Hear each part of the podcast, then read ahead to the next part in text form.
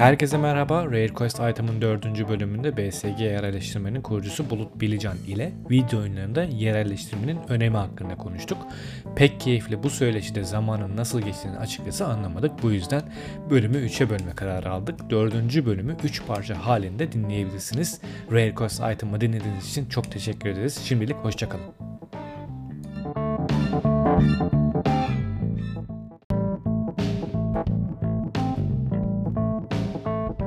Rare Quest Item'ın 4. bölümünün birinci kısmı başlamak üzere. Keyifli dinlemeler dileriz. Herkese merhaba. Rare Quest Item podcast serisine hoş geldiniz. Ben Deniz Koyutürk. Bugün video oyununda yerleşme hakkında konuşacağız.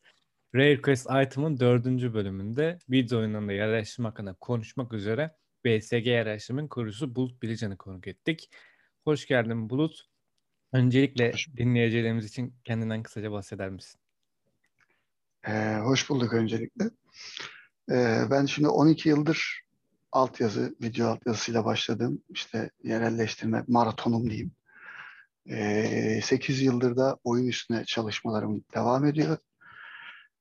Ee, 3 yıldır şirketim var. Şirketle beraber devam ediyorum artık süreçlere. O şekilde. e, oyunları oynuyoruz. Oyuncuyuz. Oyuncuyuz. Hepimiz Zaten oyuncuyuz. Kaçarı pek yok yani bu sektöre girmek için. Ondan sonra öyle devam ediyoruz yani. Süper. BSG'nin açılımı nedir? Aslında Bulut Salih Göktuğ olarak evet. benim iki arkadaşımla beraber kuruyorduk. Ee, sonra yollarımız ayrıldı onunla. Kurulum aşamasında hatta yani onlar pek e, ortak olamadılar gibi bir durum oldu.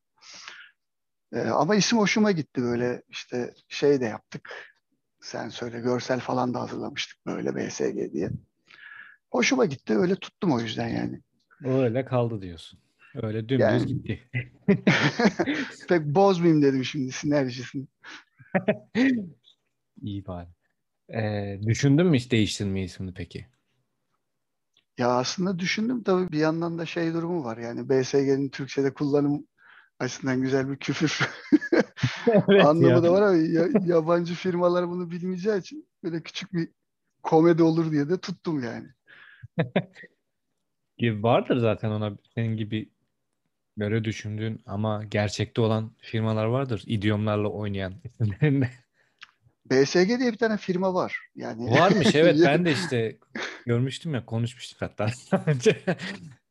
evet evet yani BSG diye bir firma varmış zaten. Tabii yerelleştirme değil Allah'tan. Onların amacı gerçekten o olabilir mi acaba? Yok onlar yabancı bir firma ya. İyi bari.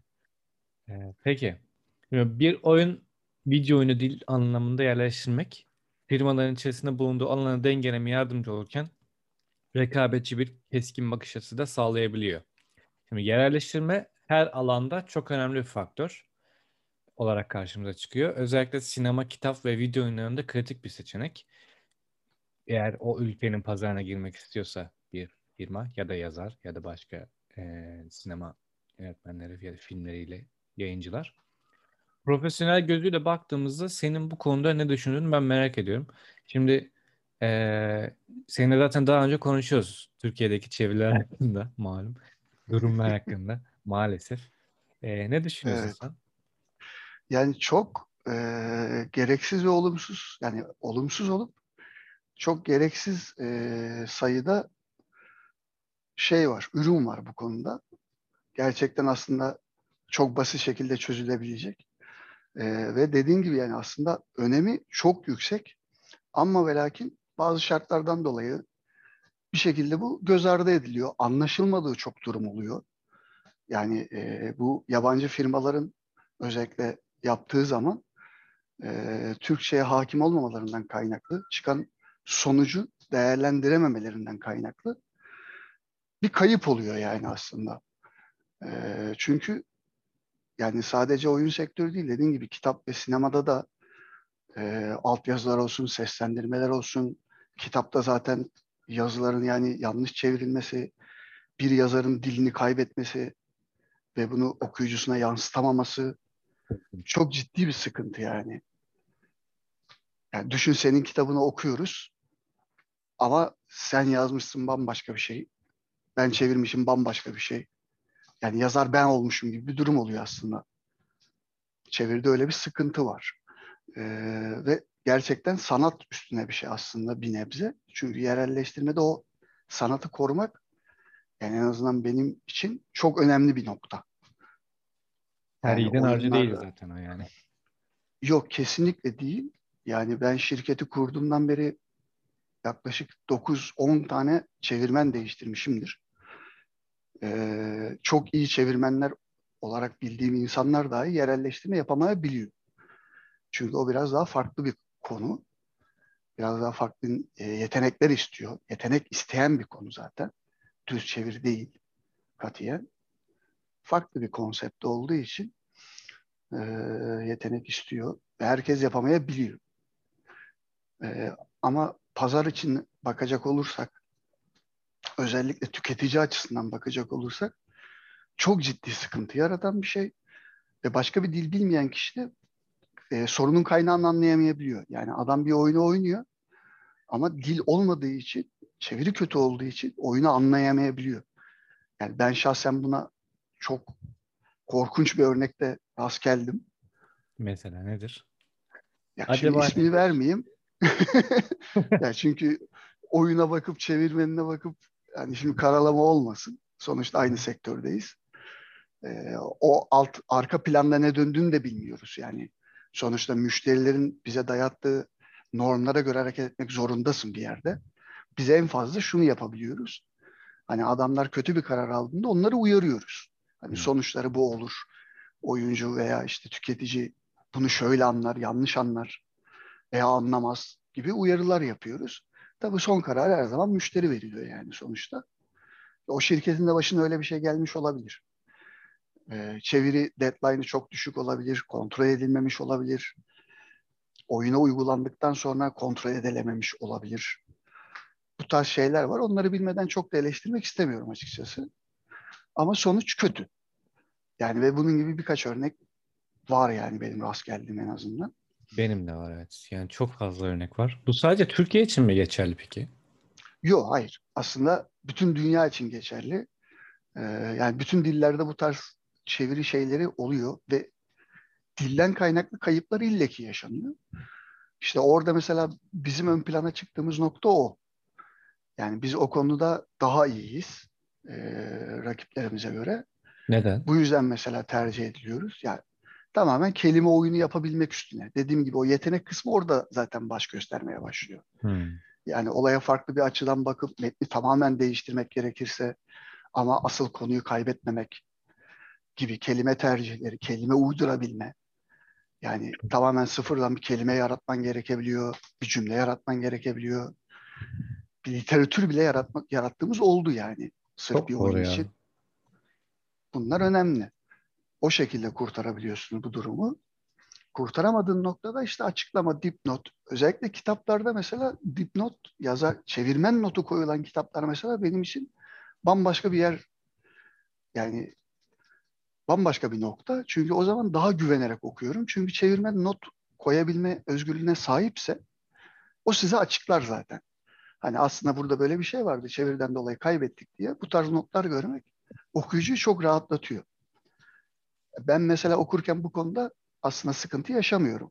Yani çok kötü çeviri okuduğumda bunun İngilizcesi neyden gelmiştir bu absürt cümlenin diye düşündüğümde sonuçta yılların verdiği deneyimle bir şeye ulaşabiliyorum yani sonuca ulaşabiliyorum aşağı yukarı. Durumu kurtarabiliyorum ama tabii herkes de böyle bir şey yapacak diye değil yani. Sonuçta bir çeviri kitabı okumak için 15 yıl boyunca çeviri yapmanıza gerek yok yani. Olmamalı da.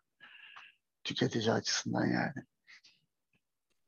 Yani o kadar rahat bir şekilde sunmalı zaten çevirmen o içeriği sana. Kesinlikle ya. Burada eee, şöyle normlar önemli. Çevirmene ne kadar güveniliyor? Çevirmene ne kadar yetkin? Eee tabii burada ekonomi de giriyor işin içine. Çünkü çeviri eee, yani bütün çeviriler için konuşuyorum. Sadece yerelleştirme için değil. Dil bilen herkesin yapabileceği iddia edilen. Yani ben mesela şirketi kurduğumda tanıdığım herkes yani İngilizce bilen o an tanıştığım insanlar bile abi ben İngilizce biliyorum. Bana da iş paslayabilirsin diyor. Yani dönüp adama şeyi soruyorsun yani "E, ne yaptın? İşte oyun oynadım. İngilizcem de var. Ya bunlar yeterli değil aslında yani. İngilizce hakim olman gerekiyor. Çok yüksek seviyelerde. Türkçe'ye de hakim olman gerekiyor. Çok yüksek seviyelerde. Yani bunu kullanabilmen gerekiyor bir de. Sadece konuşarak veya yazarak durumu kotaramazsın. Bir de e, her dilde dediğim gibi bu sıkıntının olmasının en büyük sebeplerinden bir tanesi de e, o kültüre hakim olman gerekiyor. Yani eğer İngilizce çeviriyorsan e, sadece İngilizlere veya sadece Amerikalılara özgü bir çeviri yapman gerektiği durumlar olabilir. Veya tam tersi ikisinden de kaçınman gereken bir durum olabilir. Bu tabii ürün ve müşteriyle alakalı tercihler yani bunlar. Ama mesela e, Almanca'ya çeviri yaparken bu konuda çok büyük bir netliğim var. Sonuçta önceliğin Alman e, vatandaşlarına göre onların e, lingosu dediğimiz tarzına, konuşma tarzına, yaşam tarzına uygun hitap eden bir çeviri yapman gerekiyor. Ve burada da genelde çeviri yapanların e, tek şirket üstünden yönetilip bu konuya çok eğilmemesi olabiliyor. Hmm. Yani bunun pek çok sebebi var ama en çok rastlanan sebep budur. İşte atıyorum Türkiye'de mesela şimdi beni tercih ettiğiniz zaman ben size Almanya'dan bir çevirmen bulmam. Daha zor zaten benim. Ya bulabilirsem benim şahsen tercihim o olur zaten. Ama bulamayabiliyorsunuz. Buna dikkat etmezseniz de yani onun kültüre hakim olup olmadığına dikkat etmezseniz de bu durum bir sıkıntı yaratıyor. Yani sadece dili bilmek yetmiyor aslında.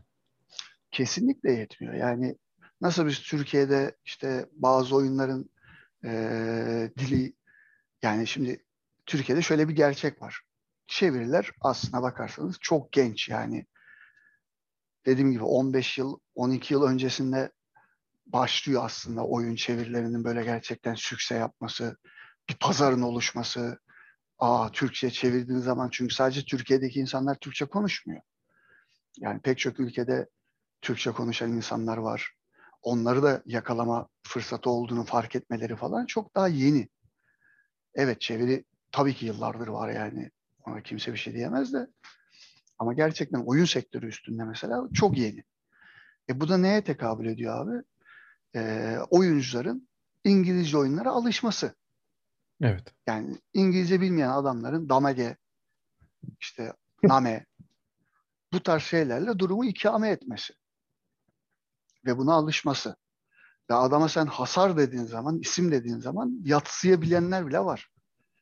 Yani bu ne ya ben anlamıyorum diyen insanlar da var yani sonuçta. Ama onları kırdık tabii. Yıllardır çeviri devam ediyor. Türkçe yerelleştirme olan bayağı bir oyun oldu artık.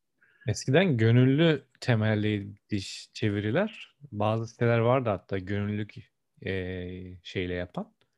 Şu an böyle Tabii. tamamen şey oldu. Resmileşti biraz ortam. Yani şöyle e, hala var onlar. Ha, onlar Ee, hala var da öyle şey yoğunluğu daha çoktu yani gönüllü temelli çeviriler. Tabii tabii. Yani tek seçenek oydu eskiden yani. Hatta oyunun resmi şeyi olmazdı. Dil çevirisi olmazdı. Bayağı korsan böyle bir güncelleme falan yapanlar oluyordu. Bir ekip çalışması oluyordu. E bu crack dediğimiz muhabbeti yapan hackerlara mesela gidip abi işte ben bir çeviri yaptım oyuna uygulayabilir misiniz acaba diye konuşup uygulatan insanlar bile var yani. Türkiye'de de yapanlar var zaten onu. Artık yani yazılım, kodlama falan bilenlerin sayısı arttığı için şu Yani an daha rahat yapabiliyorlar. Lise çağında başlıyor insanlar Tabii öğrenmeye. tabii. kod. E Yani o sektör öyle çünkü. Ee, o yüzden Türkiye'de bile direkt yani dil çevirisi yapıp resmi olmasa bile bir yamayla Türkçe e, uygulayabiliyorlar oyunu artık. E tabii bunun kırılması aslında güzel bir şey. Ama kötü örneklerle e, açıkçası çok kötü bir baltalama yiyoruz. O da şu yüzden şimdi adam yani sonuçta bu bir sektör ve para üstüne kurulu bir sektör. Kimse bedavaya 3 yıl bir oyun çıkarıp para kazanmadan yaşayamaz yani. Evet. Ee, şimdi ya kötü bir çeviri olduğu zaman adam şunu düşünüyor. Çünkü Türkiye'deki oyuncu o oyunu oynadığı zaman anlamıyor. Ee, anlamadığı zaman e, oyunu oynayamadığı için oyunu bırakıyor veya para iadesi yapıyor. Yani doğal olarak o oyunda sen Türkçe çeviri kısmından çok büyük bir geri kazanç kazanmadığın zaman herhangi bir şirket için yani mantıklı olan nedir? Orada yatırımı kesmektir. Yani doğal olarak bu da ne demek? Bütçe kesintisi demek. Gönüllü çevirilere dönenler var.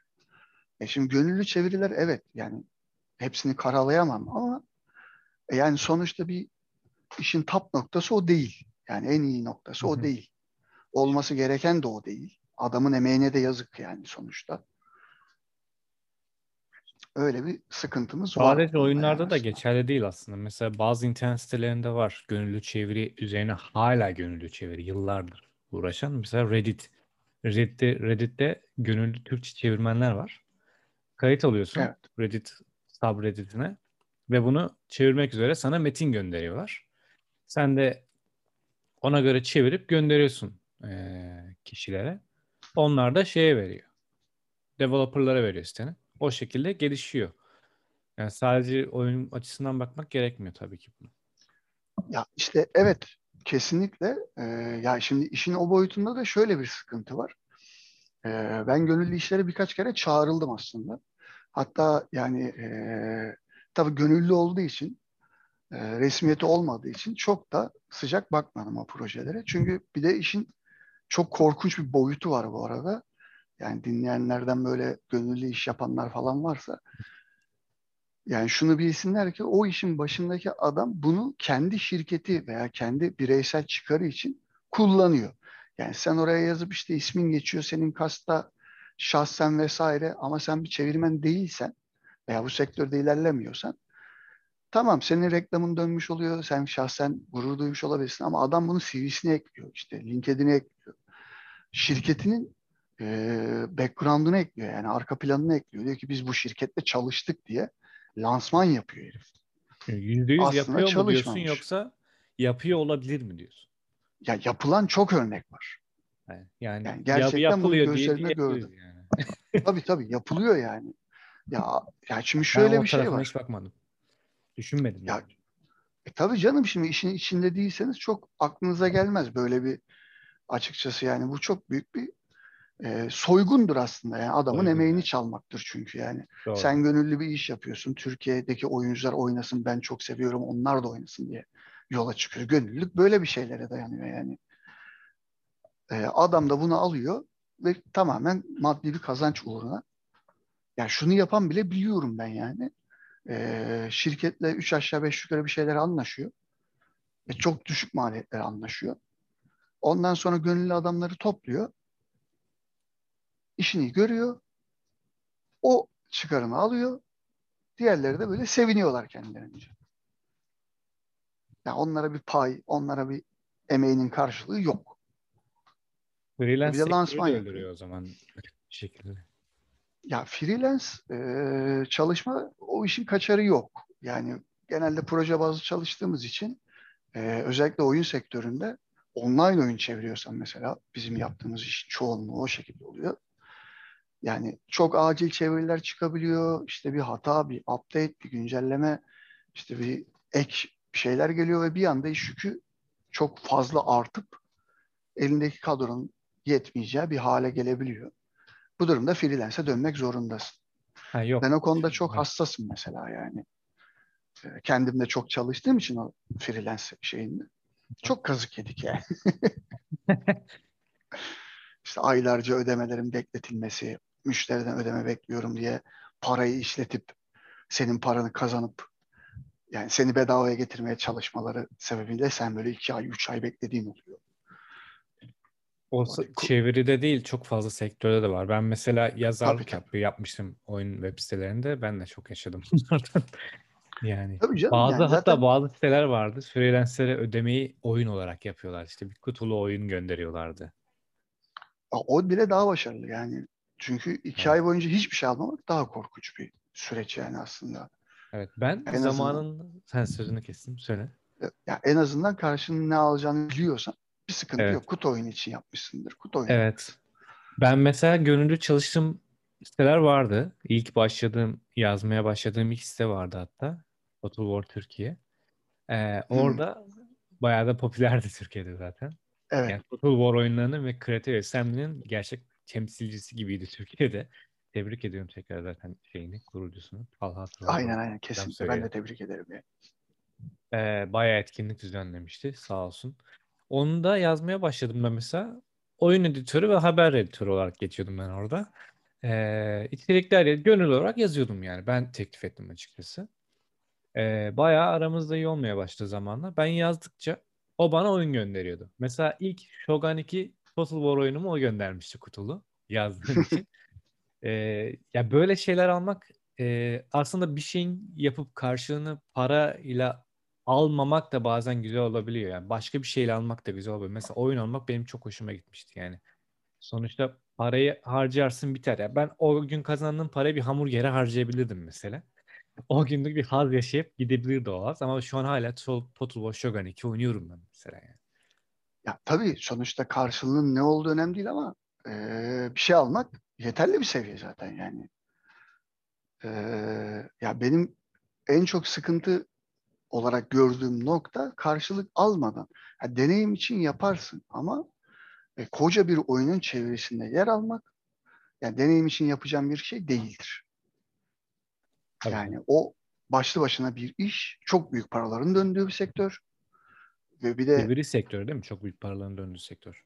yani da oyun özellikle yani. Ha, Hani oyun sektörü zaten o, çok korkunç para var oyun sektöründe. evet. Yani çeviri de ben çeviride de mi acaba aynı şekilde diye sordum. Ya, tabii yani şimdi şöyle çeviride tabii ki yani dediğim gibi en başında o kadar göze batmadığı için gerekli değer ve önem verilmiyor. Yalnızca bunu çok e, sıkıntılı süreçler yaşayan, işte çok fazla Türkçe içerik çıkarmaya çalışan firmalar farkına varıyor. Ve onlar da bütçeyi piyasaya göre ayarlamak istedikleri için sonuçta kimse sana durup dururken iki katı para vermez. Piyasaya ayarlamaya çalıştıkları için ellerinde çok büyük bir koz var. Ya o da nedir? İşte herkesin yapabiliyorum diye ortalarda dolanması. Onlar bir denge yakalamaya çalışıyor. Siz fiyatı arttırabiliyorsunuz. Ve dediğim gibi yani fiyat sonuçta kaliteyi belirler. Çünkü ne kadar yatırım o kadar kalitedir yani. Bir oyunu 3 kişiyle çıkarmak yıllar sürerken 25 kişiyle yapabileceğin oyunun kalitesi, büyüklüğü, hızı daha fazla olur mesela. Evet. Yani aynı şey çeviri için de geçer. Aynı şey her sektör için geçerli yani. Peki. Öyle bir sıkıntı var yani. Şimdi genel olarak zaten çevirinin, yerleştirmenin faktörlerinden konuştuk. Şimdi benim sana birkaç sorum vardı. Onlar üzerinden bayağı öncesinde bayağı girdik de şu an çeviriye. Ee, güzel oldu aslında ben sıkıntı yaşamadım. Güzel güzel de açıkladın. Şimdi ilk sorum benim şöyle olacak. Ee, oyunlarda yerleştirme neden önemli bir rol oynuyor? Oyunlar üzerine gidiyoruz biliyorsun. Tabii Tabii diğer tabii. konulara da söyleyebiliriz. İşte sinema, kitap da olur. Katabilirsin bu soru cevaplarına. Ben oyun üzerinden gidiyorum ama dediğim gibi sinema ve kitap diğer sektörlere de katabilirsin. Ki isterim katmanı.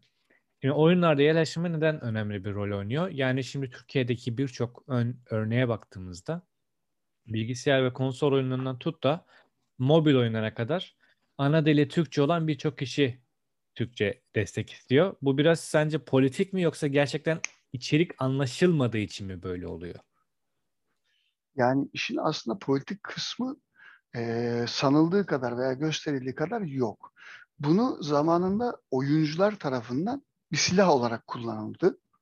Hani işte Türkiye'yi desteklemiyorlar, e, işte Türkiye düşmanlar falan. Bu her, bu arada Türkiye özel bir şey değil. Yani her dilde bu tarz gruplar çıkmıştır ortaya. Bu tamamen istekten kaynaklı bir şey. Yani adam oyun oynamayı istiyor, o oyunu oynamayı istiyor ama dili yok. Ve bu onun için gerçekten sinir bozucu bir durum. Yani neden yapmıyorsunuz ki? Yani kafası. Ee, yani işin aslında bu tarz böyle politik göstermeleri de çok az bir azınlık aslında yani. Ama tamamen işin özü her zaman şeydir yani adamın oyun oynamak isteğiyle kaynaklı.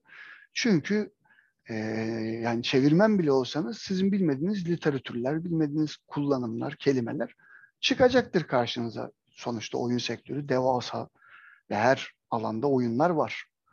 İşte yani mekanik işte simülatörler var. Araba yarışı oynuyorsunuz. Araba yarışından çıkıp balıkçılık yapıyorsunuz. Balıkçı değilseniz buna hakim değilsinizdir yani mesela. Örneğin. Sonuçta o yüzden politikten ziyade abi tamamen şey üstüne. Anlaşılmaması üstüne. Ve oyun sektöründe e, yani tabii ki pek çok işte sinemada da öyledir yani. Anlaşılması önemlidir. Adamın vermek istediği mesaj önemlidir. Ama oyun sektöründe iş biraz daha farklı bir boyuta varabiliyor. Çünkü o oyunda anlamadığınız bir şey sizi hikayeden koparabilir. Oyuna dahil etmeyebilir.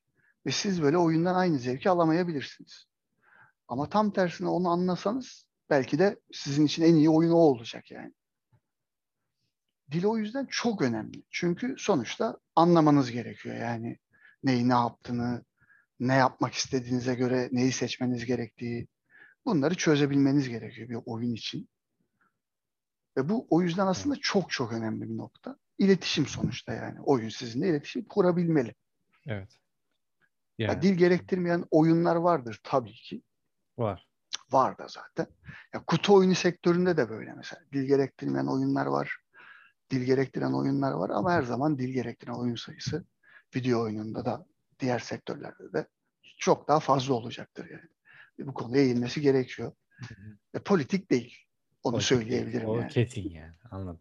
Ya kesinlikle yani. Çünkü oradan herhangi bir şekilde yürüyemezsiniz. Bu çok denendi. İşte o yüzden popüler olan oyunlar ve firmalar oldu. Ama işin aslında adam oynayabilmekten zevk alıyor ve bunun yayılması için sesini öyle duyurmaya çalışıyor. Yani olay tamamen bundan ibaret aslında. Şeyde çoğaldı o tabii zaten Türkçe çeviri içeren oyunlar. Hem yani community translate'den ziyade artık firmalar direkt o yöne Türkçe yatırım yapıp Türkçe çeviri sunuyor oyunlarında.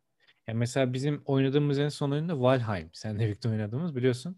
Çılgınlar Evet. gibi oynadığımız. Ee, onun hakkında da bir ara aslında konuşmak istiyorum ama sen artık ne zaman müsait olursan. Ee, şimdi şöyle ee, bu adamlar birçok diğer yan dili, yan dil demeyeyim de diğer birçok ülkenin dilini aslında community translate dahil etmişler. Ee, hala tabii onlara şey geliyor, fix geliyor update'lerle. Ancak şimdi bazı dillerde var ki direkt yatırım yapmışlar gibi görünüyor. Yapmışlar mı ben onu bilemiyorum. Ee, sen daha profesyonelsin o konuda. Ya bana göre öyle görünüyormuş gibi görünüyor çünkü. Böyleymiş gibi görünüyor. Ee, community Translate yazmıyor aslında çünkü. Bana gösterilen o. Ee, Ya mutlaka artık bir yatırım iş, yapılmıştır aynen yani. şeyden gönüllülük esasından çıkmış artık olay yani. Ee, Türkçe için. Gerçekten ciddi yatırımlar yapıyor firmalar dışarıda Türkçe'ye çevirmek için. Ya yerelleştirme çok büyük bir konu oldu. Ya zaten yani işin biraz e, gerisine gittiğiniz zaman şunu da fark ettiler ki çeviriyle yerelleştirme arasındaki fark özellikle oyun sektörü için çok önemli bir fark. Mesela bu fark edildi. Oyun çevirisi yapan, oyun çevirisi deneyimi sahibi şirketlere yönelildi. Böyle bir yönelim kazanıldı mesela. Bu da çok büyük bir adım aslında. E, zaten farkını e, geri dönüşlerden alıyorsunuz. Yani mesela şimdi adam yani en başında demiştim ya mesela Türkçe çeviriyi yaptırtıyor ama sonucun ne kadar tutarlı olduğuna dair çok kesin mükemmel bir sonuç elde edemez. Kolay kolay kimse elde edemez zaten de.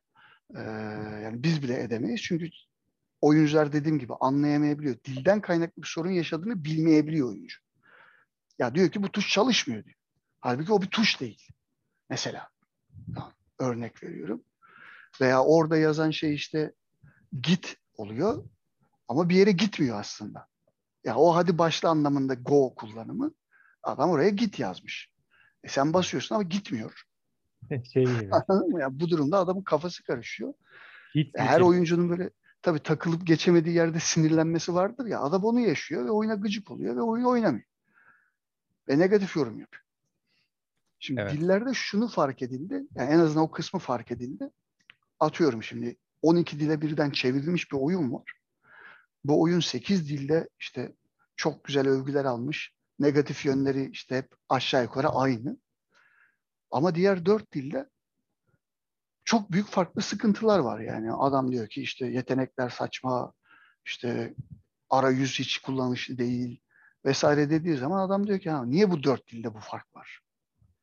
Diye oradan yola ha. çıkarak durum fark edildi aslında yani. Aslında oyunun eee bug dediğimiz yönleri dilden kaynaklı da olabiliyor diyorsun. Hata gibi görünen ama hata olmayan. Tabii tabii tabii. Yani şimdi O benim güzel. mesela dediğim en korkunç örneklerden birinde eee, gene biraz üstü kapalı vermeye çalışayım da eee, yetenek açıklaması yazılmış örneğin. Yetenek açıklaması o kadar yanlış ve eksik yazılmış ki ben çözemedim. Ya oyunu zaten ta ortasına kadar getirip artık tıkandığım noktada İngilizce çevirip devam olarak sen çözemediysen artık tabii yani çünkü o kadarsa yani şöyle söyleyeyim eee eşya alıp satıyorsun. Bir ekonomisi var oyunun. Ya bu eşya alım satımıyla bir ekonomi kuruyorsun ve para kazanıyorsun oyunda ve bu gerekli. Bunu yapmak zorundasın yani oyunda. Adam değersiz yazmış. Ben de değersiz olduğu zaman satmıyorum tabii orada ürünü. Başka market arıyorum bilmem ne. Sonra bir dikkatimi çekti. Yani üstümde fazla ürün vardı. Satmak zorundaydım. Değersiz ama satayım derken bir baktım karım iki katı, üç katı. Allah Allah dedim fiyatlarına bir baktım değersizlerin. Uçuk fiyatlar yani. İşte yüksek değerli ürünlerden bile daha fazla kar veriyor.